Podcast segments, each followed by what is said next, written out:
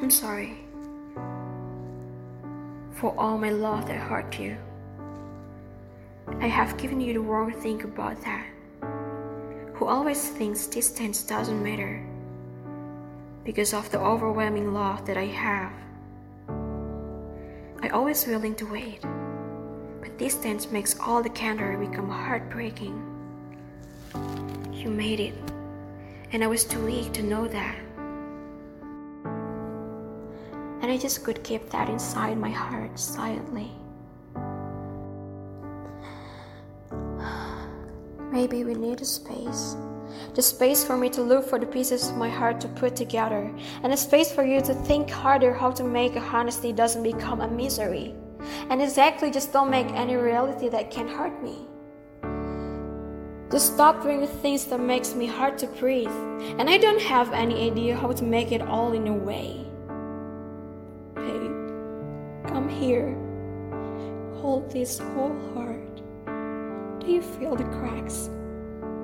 And I understand something. That time doesn't make our love more. It can grow by its own and even bigger. And whatever is needed to grow, it's just a space. And I don't know what exactly the space is. I just want a space that put us together, not the space that's separating. Say something, I'm giving up on you.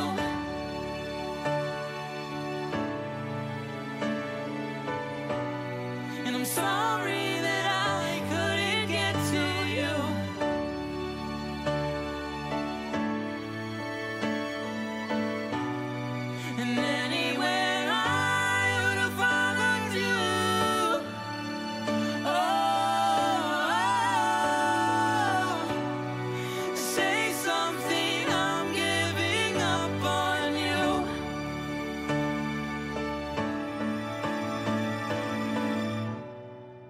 Say something, I'm giving up on you.